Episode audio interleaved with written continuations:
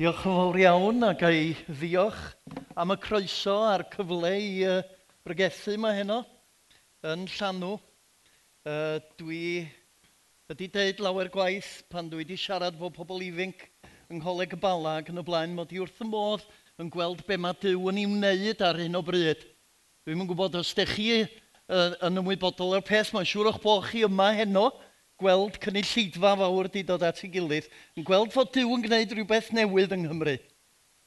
Ond fel o'n i siarad efo rhywun uh, tu allan yn fanau yn gynharach, wyddoch chi tasen ni'n cymryd pawb sydd yma heno ac yn ei gwasgaru nhw trwy Gymru i gyd, a mi fyddwn ni'n cael yn gwasgaru yn uh, dyddiau. Dropyn yn y môr ydi o ar hyn o bryd, ynddo? A mae gynna eisiau gofyn, os gynnwn ni'r weledigaeth y bydd Dyw yn achub Cymru eto. Dwi'n yn gwybod, dwi'n yn nabod pawb sydd yma heno wrth gwrs, wrach bod na rei ohonoch chi sydd ddim yn nabod Iesu Grist eto. Wrach bod na rei ohonoch chi sydd bron marw isio nabod Iesu Grist, ond ddim wedi cymryd yr un cam neu chydig bach rhyw fath Pedr ddim wedi camu allan o'r cwch. A mae Iesu'n eich galw chi. Mae heno'n gyfle. Oedden ni'n gwrando ar Emyr Lewis yn rhannu, Lewis di ond e, ia, Emyr Lewis, yn rhannu um, i brofiad ar y fideo ne, a'r ffordd oedd Dyw wedi cyfarfod efo. Ydych chi'n credu bod Dyw am gyfarfod efo chi heno? A dwi'n just yn siarad efo'r bobl sydd ddim, uh, ddim yn credu, ond pob un ohono ni Oherwydd, chi'n gwybod, mae gennym ni habit o fynd i gyfarfodydd. Mae gennym ni habit o fynd i'r capel ar y syl, mynd i astudiaeth feiblaidd, mynd i gwrgweddi, mynd i llanw, mynd i goleg bala, mynd i hyn a'r llall, a mae o jyst yn oedfa arall, a dyn ni di arfer mynd i oedfa arall, a dyn ni'n mynd, a dyn ni'n gwrando ar begaeth, a dyn ni'n mynd adre ac yn meddwl, dyn ni... Ond dwi'n credu bod Dyw eisiau siarad efo ni bod Dyw eisiau siarad efo chi heno. A cyn i mi ddechrau rhannu beth sydd ar ynghalon ni, swn i licio i chi jyst gweddio hefo fi. A jyst gofyn i ddew arglwydd, pam wyt ti wedi dod â fi yma heno? Ydy'n di'n helpio fi wrando ar be mae'r ysbryd yn ei ddweud neu di'n helpio fi wrando ar dy eiriau di, ar be fyddi di yn ei sibrwd yn ynglys di. Ar yr hyn fyddi di yn ei ddweud wrthau.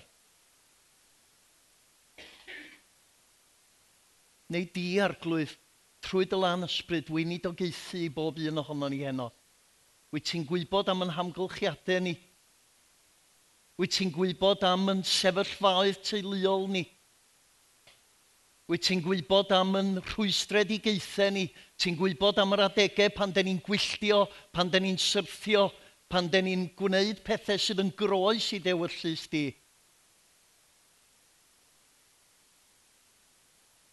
A dyn ni'n dod a dyn ni'n gofyn i ti wneud i faddau ni, wneud i afel yn o'n i o'r newydd.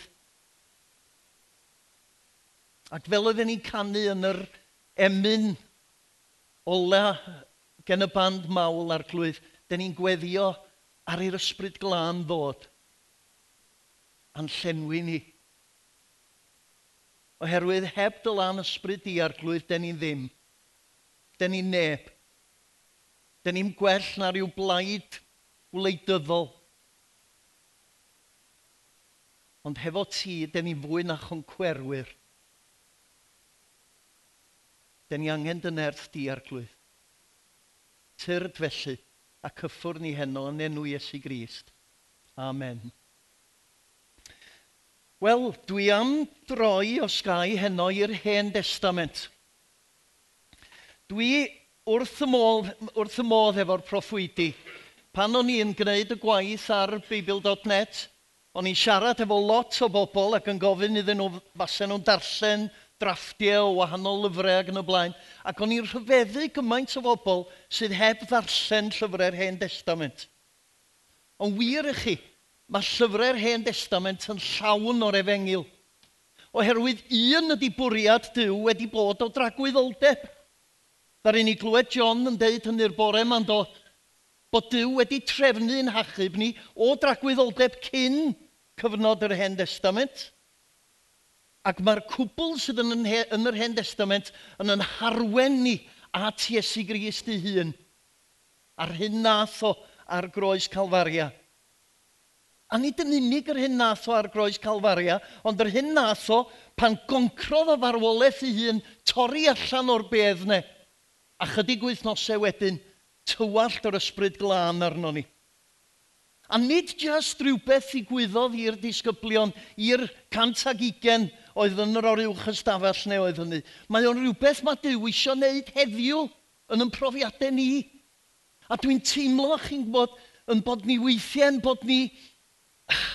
Da ni'n gwybod yr hanesion, ond mae Dyw isio ni agor yn calonau i'r hyn mae o isio wneud yn bersonol yn yn bywydau ni. A dwi eisiau gofyn ydych chi'n barod i hynny heno. Y testyn dwi wedi gymryd ydy Joel yr ail benod, ac adnod 13. A mae hon yn hen bregeth gyda i, ond o'n, on i methu'n lan a penderfynu be i bregethu yma, ac oedd Dyw yn dod hon yn ôl o hyd ac o hyd, a dwi'n teimlo bod hi'n rhywbeth mae'r rhaid i ni ymateb iddo. A dyma'r geiriau, rhwygwch eich calonau yn lle dim ond rhwygoch dillad. Cyfirio mae o at arfer yn yr Hen Testament, pan oedd pobl yn galaru, mi roedden nhw'n gwisgo sach lian. Ac mi roedden nhw isio dangos i ddew i bod nhw yn galaru am eu pechod, neu yn galaru oherwydd bod nhw'n teimlo bod, bod yna rhyw fyddin yn bygwth o wlad ac yn y blaen. Ac mi roedden nhw'n dod i'r deml ger bron diw yn gwisgo'r sach lian yma ac yn ei rwygo fo'n llythrenol. Yn dyn oethu hunain trwy rwygo y dillad yma. Ac oedd Dyw yn dweud wrthyn nhw, gwrandwch, gyna i'n isio chi jyst rwygo'ch dillad, mae gyda isio chi rwygo'ch calonau. Mae gyda isio chi edrych yn ddyfnach na'r mosiwns crefyddol arwynebol. Den ni'n rei da yn dydyn am edrych ar sefyllfa grefyddol Cymru a gweld capeli'n cael yma gacw yn bob man, A, a dyn ni'n teimlo, ydych chi'n gwybod, mae gennych chi'r hym sandwich lle mae pobl yn dod i mewn i'r capel, mae'r pregethwr yn mynd i fyny'r pulpud, wrach bod o'n agor o fo gweddi, rhoi demyn, dyn ni'n codi gan ganu emyn, dyn ni'n eistedd i lawr i wrando ar ddarseniad, dyn ni'n codi gan ganu emyn arall, dyn ni'n eistedd lawr ac yn gweddio, dyn ni'n... O, na'r coeddiadau, wrth gwrs, mae'r un i'n bwysig. a, a, a'r casgliad, casgliad ynde. A, a wedyn mi rydyn ni, dyn, ni'n gwrando ar y breges yma ac yn edrych ar y cloc. Driau, dwi'n gweld, na, dwi'n gweld y cloc, felly gyda i esgu sy'n gario ymlaen. Um, Diolch man, o, dych chi yn ei weld o, dyna drwg. Reit o. Gewch chi fynd fel yna yn ystod y bregaeth os ydych chi isio, iawn? Teg at y diwedd. A, we, a wedyn, chi'n gwybod, dyn ni'n gwrando ar y bregaeth, a wedyn dyn ni'n um, Da ni'n canu emyn ar y diwedd a da ni'n ni gweddio y fendith a pawb yn mynd allan a lle pawb fod yn naturiol eto. A da ni'n pwyntio bus at hynny weithiau. Ac yn meddwl, o, wel, pan da ni'n mynd i llanw, hei, da ni'n addoli go iawn y fanno. Gynnon ni band. Band sydd yn gwneud addoli go iawn, ynddo? Da ni'n canu canuon newydd. Mae gynnon ni brofiad, ond dwi chi, dwi'n credu bod Dyw yn gallu pwyntio bus ato ni hefyd. A dweud bod hi'n hawdd iawn i ni ddod i ddigwyddiad fel yma. A cuddiad. Cuddiad oddi wrth Dyw ei hun. O'n i'n darllen llyfr yn ddiweddar ac oedd o'n dweud rhywbeth diddorol iawn ddari o'n haro fi oherwydd bod o'n wir am ymhrofiad un hun mae'n debyg. Oedd o'n dweud bod ne ddau beth sydd mae, mae pobl yn ei ddefnyddio i, i, i gadw diw draw. Un ydy gwrthryfel. Gwrthryfela yn erbyn diw. Dwi'n yn credu yno fo. Nonsens pur ydy o. Atheist, anghrediniwr ydw i, does gynnau i'm isio gwybod. Wyddoch chi beth y llall? Crefydd. Crefydda. Pan o'n i'n gweithio hefo'r cyngrair efengylaidd flynyddoedd yn ôl o'n, o'n i'n mynd o gwmpas i brygethu mewn capeli ac eglwysi efengylaidd a ffenti costal a charismataidd ac yn y blaen. Ac mi ro'n e ryw ddiwylliant ymhlith yr eglwysi hynny oedd yn dweud, ni ydy'r eglwys go iawn, mae'r eglwysi enwadol, yn nominals felly, yn marw, ond mi rydyn ni'n byw a dyn ni'n tyfu. Ac o'n i'n teimlo bod Dyw yn deud, dwi'n edrych ar eich calonau chi hefyd. Oherwydd mae'r arwynebol yn rhywbeth lle da ni'n gallu twyllo'n gilydd, ond da ni ddim yn twyllo Dyw. A be dwi eisiau chi wneud heno i gofyn lle dwi'n sefyll yn ymherthynas a Dyw Wrach bod gynnwn ni bethau ydi farhau amdanyn nhw. Mae gynnwn ni bethau ddeud sori wrth ddiw amdanyn nhw. Wrach bod gynnwn ni bethau o'r foleddu ac ei ddathlu yn nhw. Mae gynnwn ni genhadaeth i'w chyflawn ni. A mae yna un drwg sydd yn brwydron yn herbyn ni ac eisiau'n rhwystro ni rhag rhannu'r efengil efo pobl eraill. Ond mae yna Gymru allan y fannau angen i hennill Iesu Grist. Ydy ni eisiau gweld yn teuluoedd yn dod i nabod Iesu Grist? Ydy ni eisiau gweld pobl drws nesaf yn dod i nabod Iesu Grist? Ydy ni? O, dau ohonoch chi'n meddwl? Ydy ni? Ydy'n gobeithio? Ydy'n gobeithio? A dwi'n credu bod gen Joel neges y fama sydd yn dweud sut y gall hynny ddigwydd. Dwi wedi gofyn y cwestiwn ar hyd y blynyddoedd Pam mae Dyw yn atal i law? Pam bod ne dros ganrif wedi mynd hibio ers i ni weld diwygiad o'r blaen yng Nghymru? Mae Dyw wedi gwneud pethau aruthrol yng Nghymru yn y gorffennol. Canoedd a miloedd o bobl yn dod i gredu'n Iesu Grist. Pobl a syched am y gair. Pobl ar dan dros Iesu Grist. A rwan, den ni sydd yn honni dilyn Iesu Grist – mor aml yn gallu bod yn fodlon oherwydd bod gynnon ni llanw, bod gynnon ni coleg y bala, bod gynnon ni yn bant, bod gynnon ni yn canuon newydd ac yn y blaen. Felly cadwch ni fod yn onest o flaen Dyw heno. A gofyn iddo fo, a'i rhwygo'r galon ydy ni pan dyn ni'n dod yma fel bod Dyw yn cael dod i mewn neu ai just rhwygon dillad, mynd trwy'r mosiwns grefyddol. Gadwch mi ddarllen yr hanes i chi. Mae llyfr Joel yn ddiddorol os oes gynnwch chi feibl, trowch i Joel y benod gyntaf hefo fi. Y cefndir ydy, mae Joel yn pregethu yn Juda, yn Jerusalem, ac yn ôl pob tebyg, yn ôl yr eirfa sydd yn y llyfr, mae o'n ma, mae o'n gweithio yn y deml yn Jerusalem. Mae o'n defnyddio lot o jargon y deml. A, ac mae o'n siarad hefo'r bobl sydd wedi dod i addoli yn y deml. pryd, da ni'n gwybod, mae yna rei yn meddwl 800 mlynedd cyn Cris, rei eraill yn deud 600 mlynedd cyn Christ, just gen i, i Jerusalem gael ei concro gen y Babiloniaid. rhai eraill yn dweud na pumed, 500 mlynedd cyn Christ, neu 400 mlynedd hyd yn oed, ar ôl i bobl ddod yn ôl o'r geisglyd. Dydy hynny ddim yn gwneud dim gwahaniaeth i'r neges sydd gen y proffwyd yn y bôn. Barddoniaeth ydy'r llyfr gyda llaw barddoniaeth hebreig. A mae'r farddoniaeth yma wedi sgwennu i herio'r bobl i feddwl am eu perthynas efo Dyw. Ac yn y benod gyntaf, mae o'n disgrifio pla o locustiaid, rhywbeth dyn ni'n gwybod dim amdano fo yn uh, y wlad yma, ond yn Affrica hyd yn oed heddiw a'r hanner eraill o'r byd, mae plau o locustiaid yn dod yn ei miliynau, degau, cannoedd o filiynau ohonyn nhw ac yn dinistrio gwlad gyfan. Llwch chi gael plawl o custied sydd, chi'n bod, bedair milltir wrth dair neu fwy yn dod ac yn dinistrio y wlad i gyd. A dyna'r disgrifiad sydd gynnwch chi. Gwrandwch ar hyn, chi arweinwyr, a phawb arall sy'n byw yn y wlad, daliwch sylw. Ydych chi wedi gweld y fath beth, oes rhywbeth fel yma wedi digwydd erioed o'r blaen? Dwedwch wrth eich plant am y peth, Gwnewch yn siŵr y bydd eich plant yn dweud wrth eu plant nhw a'r rheini wedyn wrth y genhedlaeth nesaf.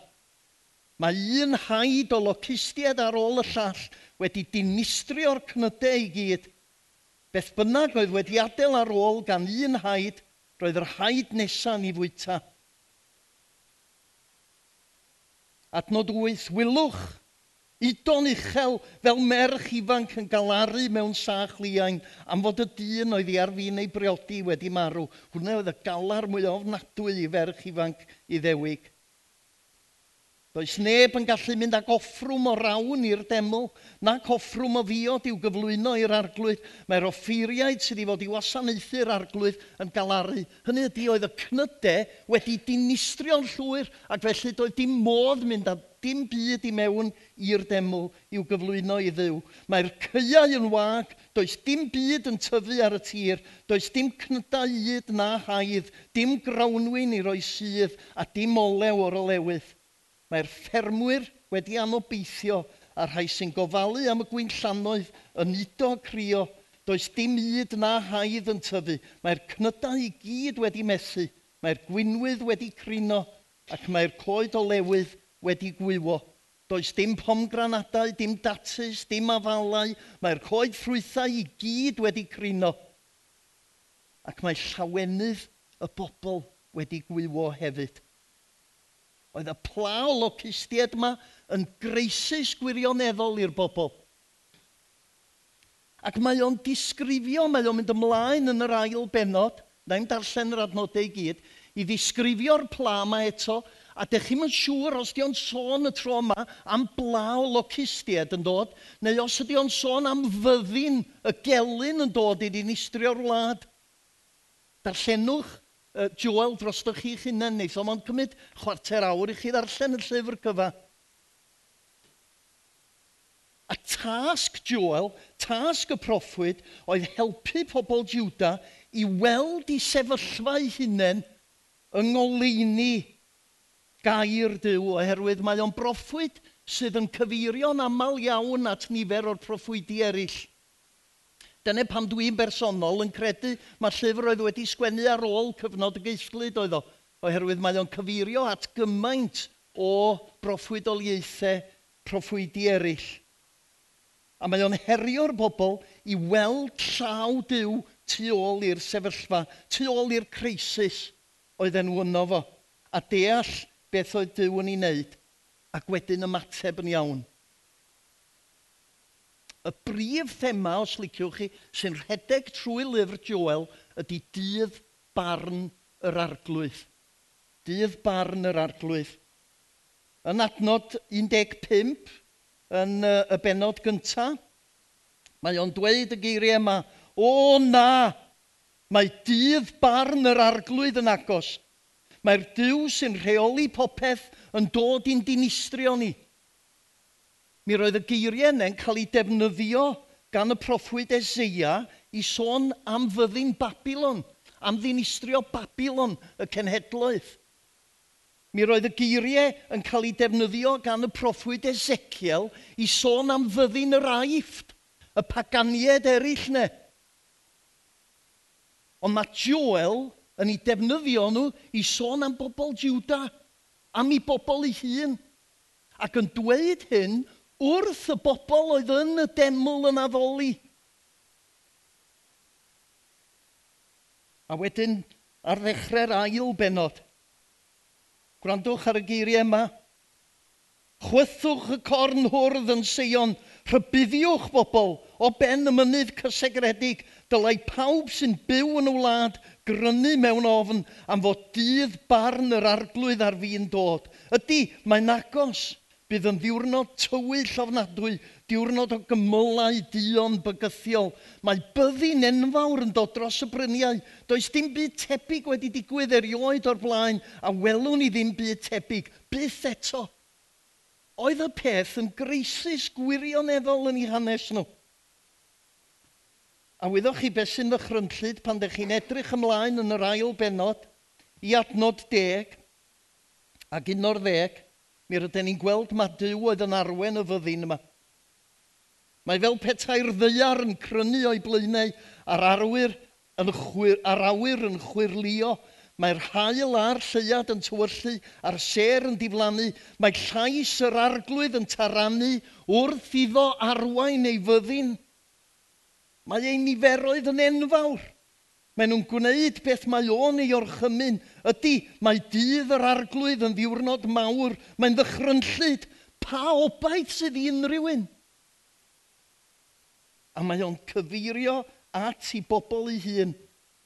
Yn adnod 25 yn yr ail benod, mae o'n sôn am y fyddin fawr wnes i ei hanfon yn eich erbyn chi. Ac wrth edrych yn ôl dros hanes Juda, be dyn ni weld ydy bod ymateb y bobl i greisus fel yma yr un fath bob amser. Oedd e dri grŵp o bobl. Oedd y grŵp cyntaf o bobl yn gweld crisis fel y locustiaid yma di dinistrio'r cnydau i gyd, yn gweld y crisis fel mae Dyw di'n gadael ni. Sgynno fo'n diddordeb yn o'n i bellach. A maen nhw'n afol i bal a, a, a'r diwiau paganaidd yn meddwl, wel, ty beth, neith y diw yma roi gwell byd i ni. A wedyn oedd gynnwch chi ail grŵp o bobl sydd yn codi pennau reit aml yn y proffwydi, a'r bobl hynny oedd y bobl oedd yn trio cael y gorau o'r ddau fyd. Oedden nhw'n addoli bal i yn diwrnod, a wedyn yn mynd i'r deml i addoli Iawe, y diw go iawn y diwrnod wedyn. Ac yn meddwl, os addolwn i'r ddau, wel mae'n siŵr, Mae'n siŵr y bydd pethau'n iawn yn y diwedd. A wedyn o gynnwch chi griw bach sydd yn cael ei disgrifio fel y gweddill fyddlon. Y criw oedd yn sticio at yr arglwydd doed a felo. Rhain oedd pobl yr arglwydd. Rhain oedd yn y deml, yn gwisgo'r sach lian. Rhain oedd yn galaru am y sefyllfa ac yn galw am drigaredd Dyw. Rhain oedd pobl llanw. Juda. Ac wrth rhain, mae Joel yn deud, rhwygwch eich calon, nid eich dillad. Chi'n gwybod, wrach bod chi'n meddwl bod y neges yma neges grylon ar un ystyr. Ond dwi'n ei ddeud oherwydd bod o wedi bod yn rhan o'm mhrofiad i'n hun. Dwi wedi deud lawer gwaith mewn gwahanol sefyllfaoedd. Pan o'n i yn y coleg, uh, oedd dyw ar waith. Oedden ni'n gweld pobl, myfyrwyr yn cael eu hachub, nifer ohonyn nhw yn y weinidogaeth heddiw. Ac chi'n gwybod, se chi di gofyn, se chi di gofyn i'n ffrindiau fi bryd hynny, sut mae Arfon yn gwneud?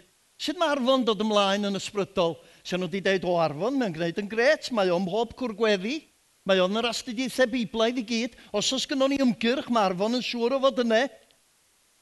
Ond yn aml iawn, oedd yng nghalon ni'n bell oddi wrth ddiw.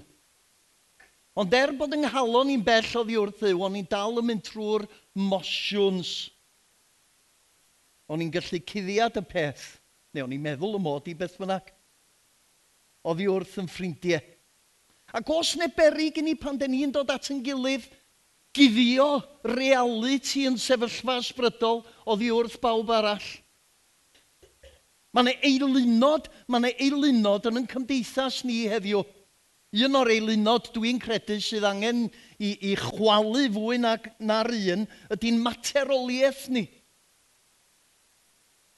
Mae yna gymaint ohono ni sydd yn dilyn Iesu Gris, da ni'n ni, ni hapus efo'n yn holl feddiannau mat materol a, a, ac eto, da ni eisiau dilyn Iesu Grist hefyd.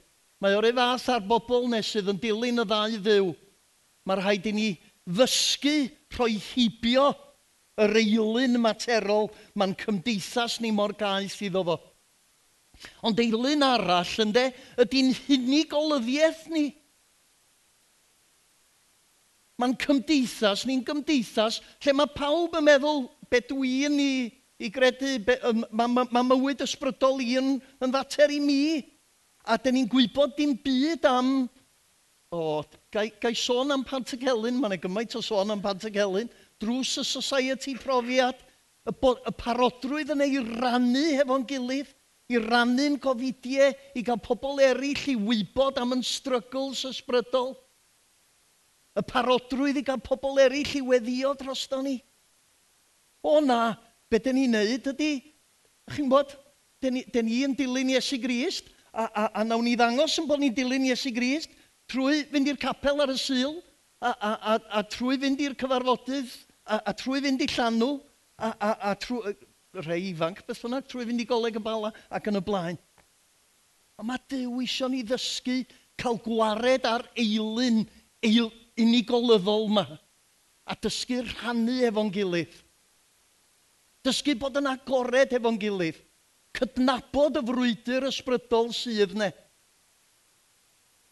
Felly wrth rwygon calonau, ydyn mi rydyn ni'n rwygon calonau o flaen Dyw i hun yn y gobaith y bydd o'n i drigaredd yn tywallt i ysbryd glân i'n calonau ni. Ond dyn ni'n rwygon calonau o flaen yn gilydd hefyd. Neu mewn rhai cyfeithiadau mae o'n cael ei, i, i, i ddisgrifio fel dinoethu. Dinoethu yn hunain. Dangos yn hunain fel ydyn ni go iawn. A pan dyn ni'n gwneud hynny, mae Dyw yn camu mewn. Mae mor hawdd mynd trwy'r mosiwns. Gadwch ni fynd ymlaen. Dydd barn yr arglwydd, ymateb pobl. Lle dyn ni'n mynd wedyn? Be mae Dyw yn ei ofyn gyno ni? Wel, os edrychwch chi yn yr ail benod ac adnod 12 ymlaen, mae Dyw yn dweud be mae o isio. Mae o isio edifeirwch adnod y testyn. Rhwygwch eich calon, rhwygwch eich calon ac nid eich dillad. Rhwygwch eich calonau yn lle dim ond rhwygwch dillad. Trowch yn ôl at yr arglwydd eich diw. Gwrandwch pam. Mae o mor garedig a thrigarog, mor amyneddgar ac anhygoel o hael, a ddim yn hoffi cosbi. Mae'r geiriau yna yn dod gyda llaw o lyfr Exodus, pan mae'r Edyw ddatguddio ei hun i Moses pan oedd o ar y mynydd yn, des, yn derbyn uh, llechu'r gyfraith am yr ail waith yn Exodus 34. A mae'n thema sydd yn rhedeg trwy'r hen testament. Caredigrwydd Dyw, trigarogrwydd Dyw, amynedd Dyw, heilioni Dyw. Am bod Dyw yn ddiw, am bod o'r math o ddiw ydi o, mae o'n mae o dweud wrtho ni y gallwn ni droi ato fo. Gwrandwch be mae'r proffwyd yn dweud, adnod 14. Pwy wyr? Falle bydd o'n drigarog ac yn troi yn ôl. Falle bydd o'n dewis bendithio hyn ymlaen. Wedyn, cewch gyflwyno offrwm o rawn ac offrwm o ddiod i'r arglwydd eich dyw. A mae'n eich chwythu corn hwrdd yma yma eto. Chwthwch y corn hwrdd yn Sion. Trefnwch ddiwrnod pan fydd pawb yn pidio bwyta neu'n yn prydio, yn stopio gweithio ac yn dod at ei gilydd i addoli Dyw. Casglwch y bobl i gyd a pharatoi pawb i ddod at ei gilydd i addoli. Dewch ar arweinwyr at ei gilydd. Dewch ar plant yno, ar babis bach, hyd yn oed yr rhai sy'n newid briodi. Does neb i gadw draw, dylai'r offeiriaid yr rhai sy'n gwasanaethu'r arglwydd wylo o'r cyntedd i'r allor a gweddio fel hyn. Ai dyma gweddi chi heddiw. Arglwydd, arglwydd, neud i faddau i dy bobl. Nid i'r bobl tu allan i ni. Neud i faddau i dy bobl. Paid gadael i'r wlad yma droi yn destun sport. Paid gadael i baganiad yn llywodraethu ni. Pam ddylai pobl y gwledydd gael dweud, felly ble mae dyw nhw? Ai dyna mae pobl criceth yn ei ofyn am, am llanw? Lle mae dyw nhw? Chi'n meddwl o bobl mae hon yn bregeth drist? Ond dydy ddim oherwydd pwy ydy Dyw. Y cwbl mae Dyw yn ei ofyn ydy ni ymateb iddo fo. I ni rwygo'r galon yn hytrach na rwygo'r dillad.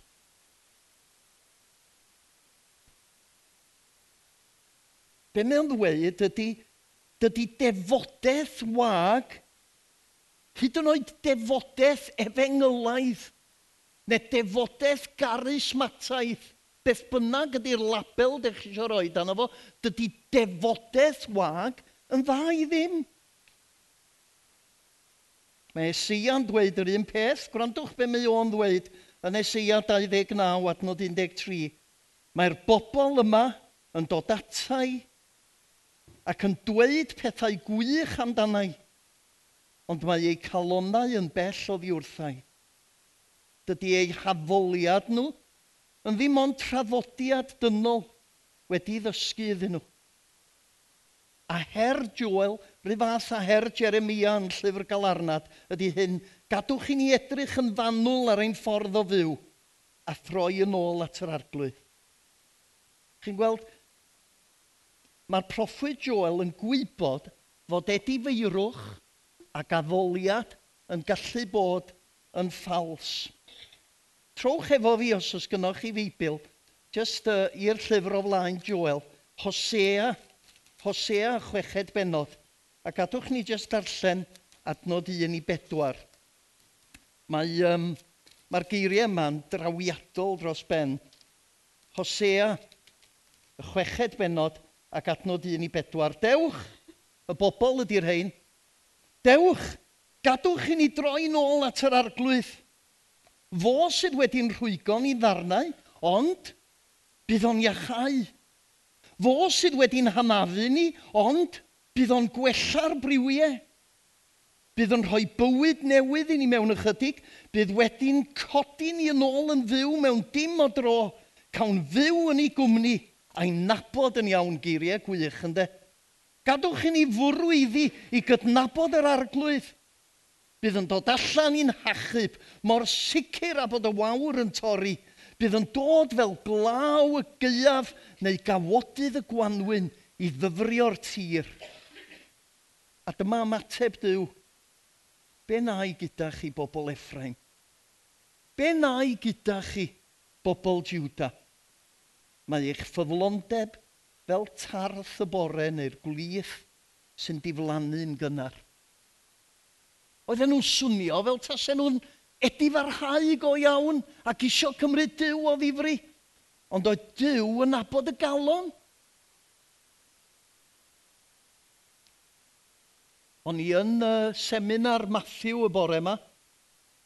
O'n i yn cael y profiad dwi'n ei gael mor aml pan dwi'n glywed, pan dwi clywed am frodyr a chwiorydd i ni yng Nghyst sydd yn cael ei herlyd a'i camdrin a'i lladd mewn gwledydd fel Syria ac Iraq ac Afghanistan a fedrwn ni fynd ymlaen, Gogledd Corea, fedrwn ni sôn am y gwledydd mae i gyd.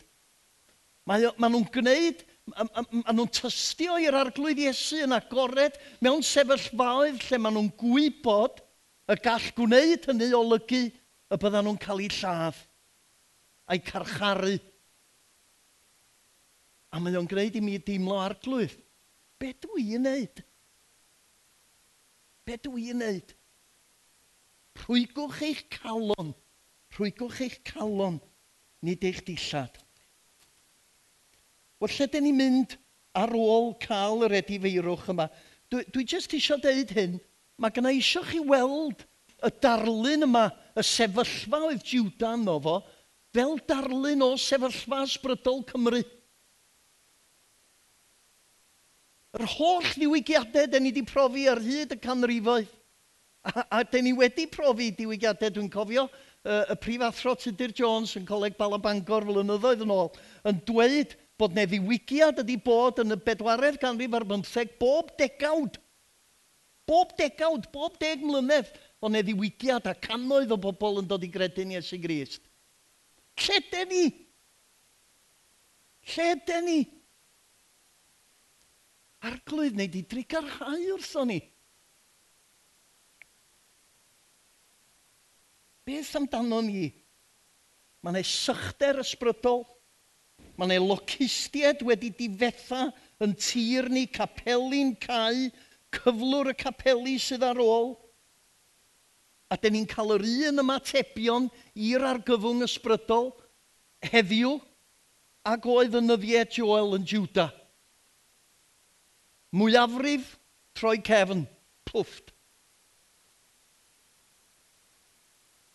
Grŵp da o bobl, isio'r gorau o'r ddau fyd. Isio be mae'r byd yn ei gynnig ac isio be mae efengil yn ei gynnig. A mae neu bobl, a dwi'n cymryd, bod y mwyafrif llethol ohono ni sydd yn llanw ymhlith y bobl sydd yn ystyried yn hunain falle fel y gweddill fyddlon – sydd wir yn hiraethu ar ei ddiw ddod eto. A dwi eisiau deitha chi, efo ni mae Joel yn siarad. Efo ni, nid efo nhw. Nid nhw tu allan, nid pobl, nid pobl pen llun sydd byth yn mynd yn agos i gapel ydy'r broblem. Nid pobl Cymru sydd byth yn twll i capel na ce. Ni ydy'r broblem. Ni sydd angen rhwygo'n calonau. Pam pam, pam? Pam mae y cwrdd gweddi ydy'r cwrdd gwana yn yn capelu ni? Pam?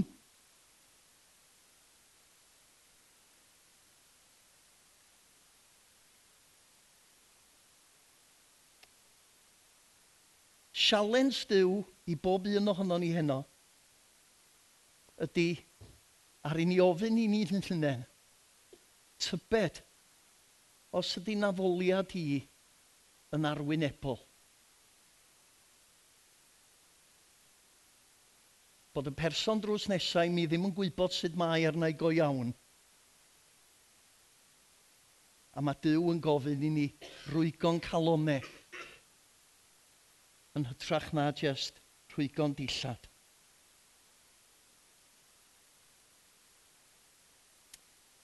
yr ail benod o Joel ac adnod 12 ac 13.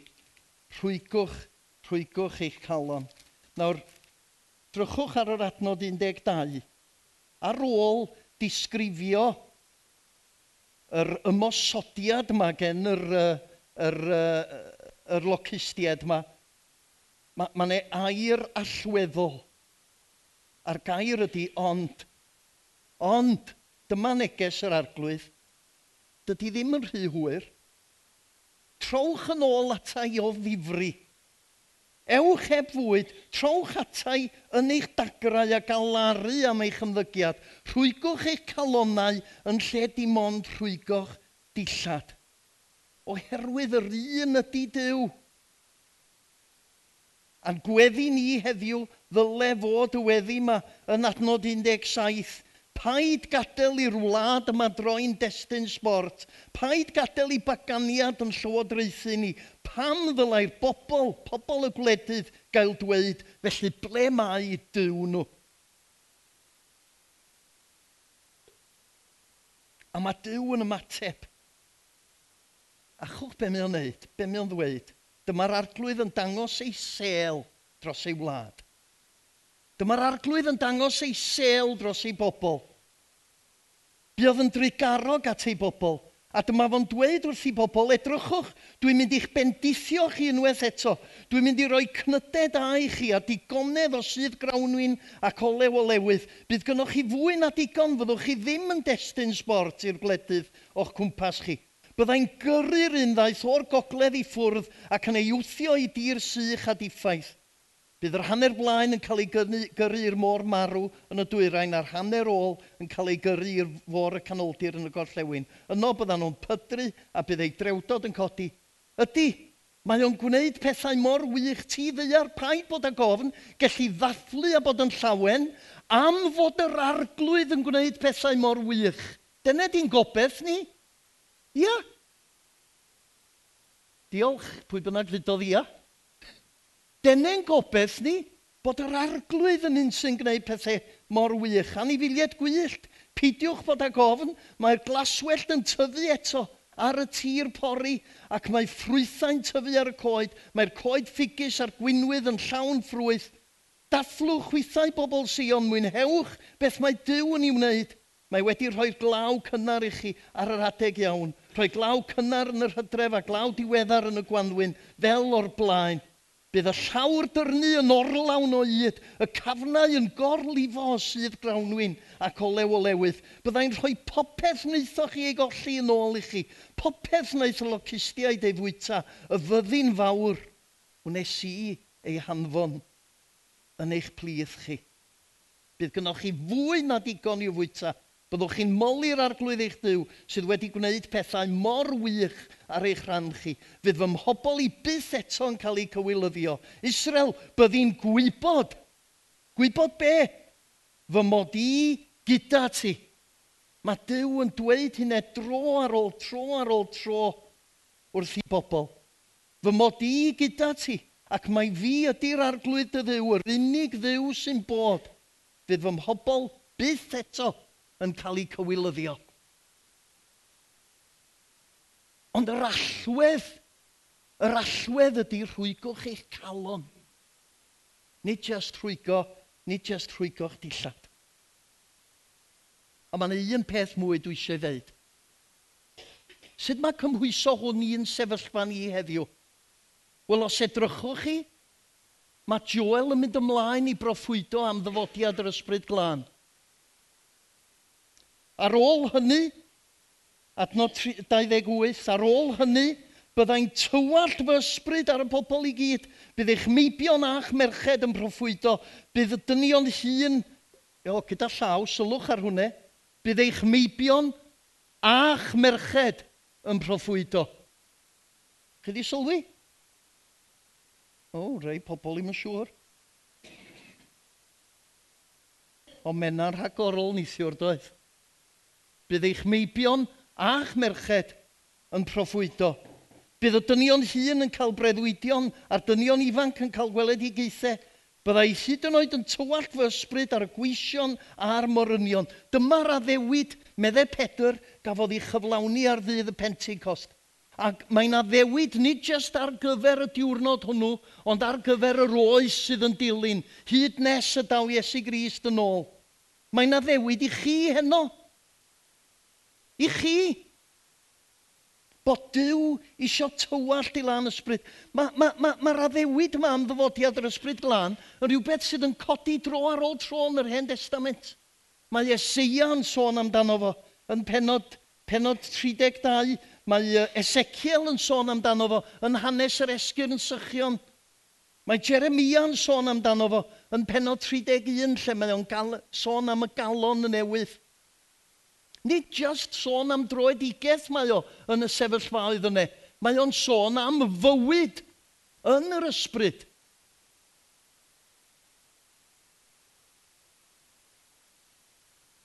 Chi'n gwybod beth dwi'n dweud ydy, mae rhai ohono ni sydd yn dilyn Iesu Grist yn gallu syrthio i'r union drap oedd pobl Juda yn syrthio iddo fo yn nyddiau Joel. A mae'r un peth yn wir ar hyd hanes Israel a hanes yr eglwys hefyd. Bod crefydda yn cymryd lle ffydd a pherthynas efo Iesu Grist. Bod edifeirwch yn gallu bod yn rhywbeth arwynebol iawn. Gweld pobl eraill fel y broblem a meddwl yn bod ni yn saff. Dwi, dwi o hyd yn meddwl am eiriau Jeremia yn y seithfed benod o Jeremias, dwi'n cofio'n iawn, lle maen nhw'n gweld bygythiad y Babiloniaid yn dod, a, a maen nhw bobl yn dweud, den ni'n iawn, den ni'n iawn, teml yr arglwydd, wneud Jerusalem byth syrthio, teml yr arglwydd, mae teml yr arglwydd gynnon ni, den ni'n iawn. A Jeremia'n dweud, na, mae gynna eisiau chi edif arhau Dwi wedi trilio dipyn o amser o mywyd yn gweithio ar y Beibl. Ond mae gynna eisiau dweud hyn, dydy gwybod yr ysgrythyrau a deall athrawiaethau chrysnogol yn achub neb. Dech eisiau mi ddeud o eto? Dydy gwybod yr ysgrythyrau a deall athrawiaethau chrysnogol yn achub neb. Dim ond perthynas hefo Iesu Grist sy'n achub. Perthynas. Trystio Iesu Grist. A pan mae gennych chi berthynas efo rhywun, mae'n rhywbeth parhaol.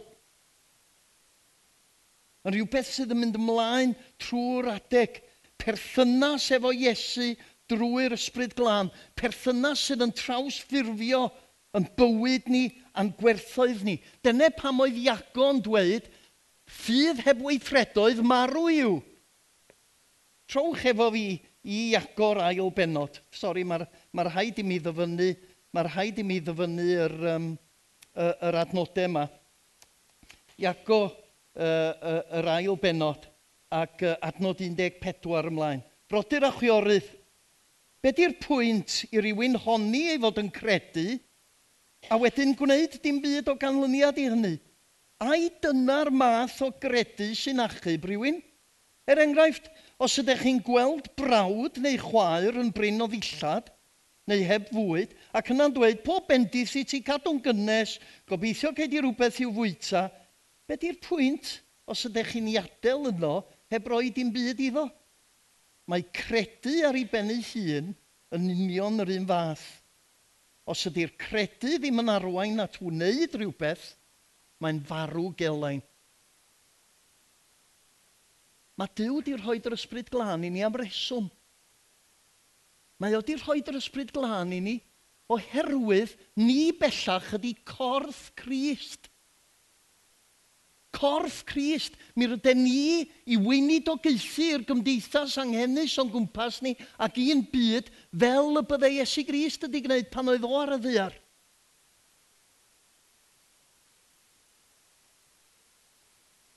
Felly dydy derbyn yr ysbryd glân er mwyn canu corysus. Dydy derbyn yr ysbryd glân er mwyn gwrando ar bregeth. Dydy derbyn yr ysbryd glân er mwyn byw yn fwy foesol ac yn y blaen. Ddim yn ddigon, mae'r ma, ma, ma, ma ysbryd glân ydy cael ei roi, nid yn unig yn trawsffurfio ni, ond i trawsffurfio'n byd ni.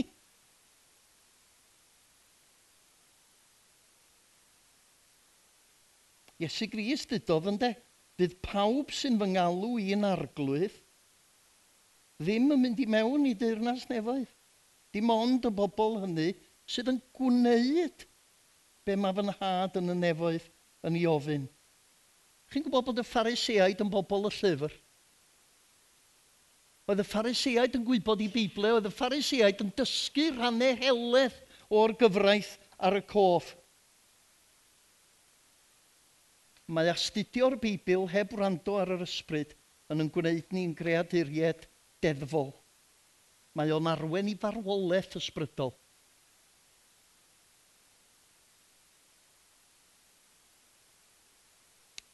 be ddudodd Iesu Grist ar wyl y pebyll. Dewch ata fi. Isio ni gael yn llenwi ar ysbryd glân. Yr ysbryd glân, meddai Iesu Grist, sydd yn ynharwen i'r gwirionedd. Comisiwn Iesu Grist yn Iwan yr 11 benod oedd fel yr anfonodd y tad fi, felly rwy fi yn eich anfon chwi. Meddyliwch, fel oedd Dyw wedi danfon Iesu Grist i wynid o geithyn yn byd ni, mae o rwan yn yn hanfon ni i wneud yr un peth. A be mae o'n wneud I'n galluogi ni wneud hynny.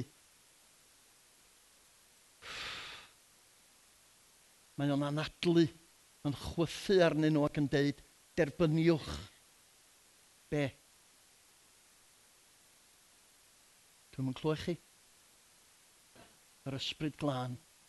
Derbyniwch yr ysbryd glân. Gwrandwch ar yr adnodau yma. Effesiad y bumed benod adnod 18. Gadewch i'r ysbryd glân eich llenwi a'ch rheoli chi. Effesiad y benod gyntaf adnod 17. Dwi'n gofyn i ddiw roi yr ysbryd i chi, i'ch goleuo a'ch gwneud yn ddoeth er mwyn i chi ddod i'w nabod yn well. Diolch yn dweud, rwy'n rhoi'r gair i chi hyd yn oed. Rwy'n rhoi'r ysbryd i chi. Pam oherwydd, da ni'n gallu deall y gair heb yr ysbryd. Galatiad y bumed benod, adnod 16, dylech adael i'r ysbryd reoli eich bywydau. A rhag ofn, dwi'n gorffen rwan jyst drwy gyfeirio at un neu ddwy o sgrythyrau i ddangos i chi bod hwn yn thema sydd yn rhedeg trwy'r ysgrythyr. Rhag ofn i chi feddwl bod fi wedi edrych am ryw broffwyd, does neb yn gwybod llawer amdano fo a, a, a, a dadle rhywbeth allan ohono fo e, sydd, sydd ddim yn gyson yn yr ysgrythur. Trowch efo fi Iesia benod gyntaf ac adnod deg Ac yn fanno, mi rydyn ni'n cael Eseia'n siarad eto hefo bobl yn y deml yn Jerusalem. A meddyliwch be mae o'n ddweud wrth y bobl. Gwrandwch ar neges yr arglwydd arweinwyr Sodom. Gwrandwch ar beth mae Dyw yn ei ddysgu i chi bobl Gomora. O Sodom a Gomora di, ydy mynd es canrifoedd. Beth ydy pwynt o'ch holl aberthau i chi, meddai'r arglwydd? Dwi wedi cael llond bol o hyrddod yn offrymau i'w llosgi, o fraster anifiliad a gwaed teirw. Dwi'n misio hwyn a'ch bychod geifr chi. Dech chi'n ymddangos o'n blaen i, ond pwy ofynodd i chi ddod i stompio drwy'r deml? Stopiwch fod â choffrymau di-ystyr. Mae'r arogl darth yn troi arnau. i. Dech chi'n dathlu gwyl y lliad newydd ar sabothau ac yn cynnal cyfarfodydd eraill, ond allai ddim diodder drygioni sy'n mynd gyda'ch dathliadau crefyddol chi. Dwi'n casau'r lliadau newydd a'ch gwyliau eraill chi. Maen nhw'n faich arnau, allai mo'i diodde nhw. Oedden nhw'n bobl grefyddol iawn, doedden. Pan fyddwch chi'n codi'ch dwylo i weddio byddai'n edrych i ffwrdd. Gallwch chi weddio faint fynoch chi, ond fyddai ddim yn gwrando. Pam? Yn y cyfnod yna, mae gwaed ar eich dwylo chi. A weithiau dwi'n meddwl ar glwydd am bob un dwi wedi bod yn rhy swyl i agor yng ngheg a'r rhannu'r newyddion am Iesu Grist efo fo. Mae gwaed y person yna ar y nwylo fi.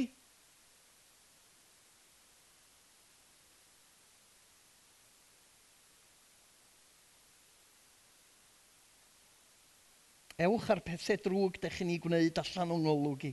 Stopiwch wneud drwg, dysgwch wneud da.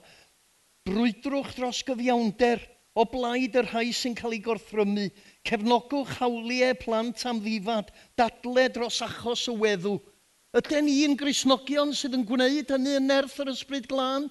Neu ydy'n ni'n grisnogion sydd jyst yn mwynhau dod i llanw?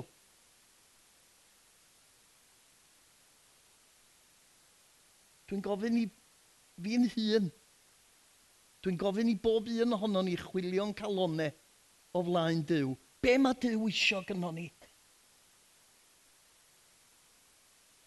Ydych chi'n credu, dwi'n gofyn y cwestiwn eto, ydych chi'n credu y gall Dyw droi Cymru wyneb i wyred Ydych chi'n credu gall Dyw a dennill y blynyddoedd oedd y cilio credyn, sori, dwi'n mynd i'r hen gyfeithiad wan, y locustiaid mae wedi difetha.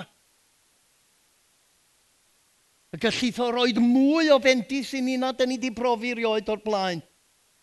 Wel, yr ateb ydy, yr, yr allwedd, rhwygwch eich calon. Nim just rhwygoch dillad. Salm 51. Dych chi gyd yn gyfarwydd a salm medifirwch. Sgynna i'n syniad beth i gloch gyda llaw mae'n ddrwg gyna i. Dwi'n siŵr bod y cloc yn mynd yn gynt na mi o fod. Be di hwnna? Di naw? Na, ac di. O, bobl bach mae'n ddrwg gyna i. Arglwydd neu di ofyn iddyn nhw faddu i mi. Reit o, dwi'n gorffen efo hon, reit? Sawn, pum, na, 51.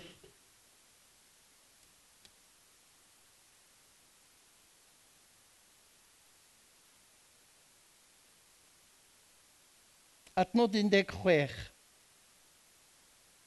Nid a berthau sydd yn dyblesio di. Dydy offrwm i'w losgi ddim yn dyfodloni di. O'r hunain bethau o Dyw wedi gofyn i'r bobl ddod a'i gwneud i'w addolio.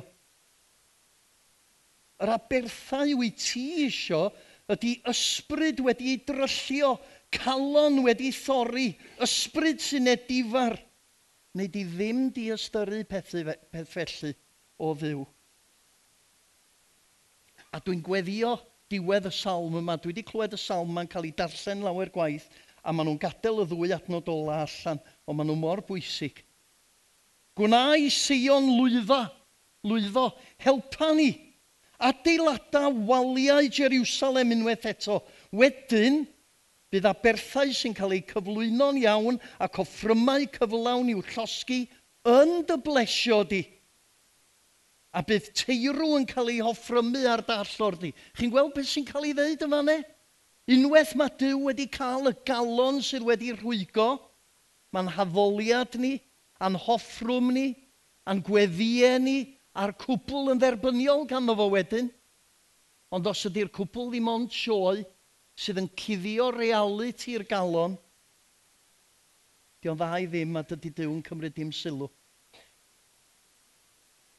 Gadwch ni weddio. A'r glwydd neu di'n ysgu fi i wybod be mae o'n i olygu i rwygo'n halon o dy flaen di a ddim just rhwygon illad. Neu di'n ysgu fi o'r newydd ar glwydd? Sut y i osod yn hun yn y safle neu lle dwi'n agored i dderbyn dy lan ysbryd di? Neu di drigarhau wrthon ni ar glwydd?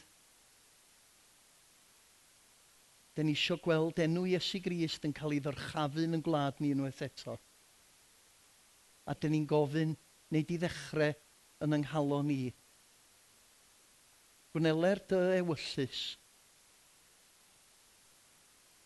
yn yng ni, yn y mywyd i, yn y neglwys, yn y neglwys i, yn yng ngwlad i, gwneler dy ewyllus, megis yn y nef, felly ar y ddeiar. Cyffwrn ni arglwydd cyffwrdd ni o'r newydd er clod ac ogoniant i enw Iesu Grist. Amen.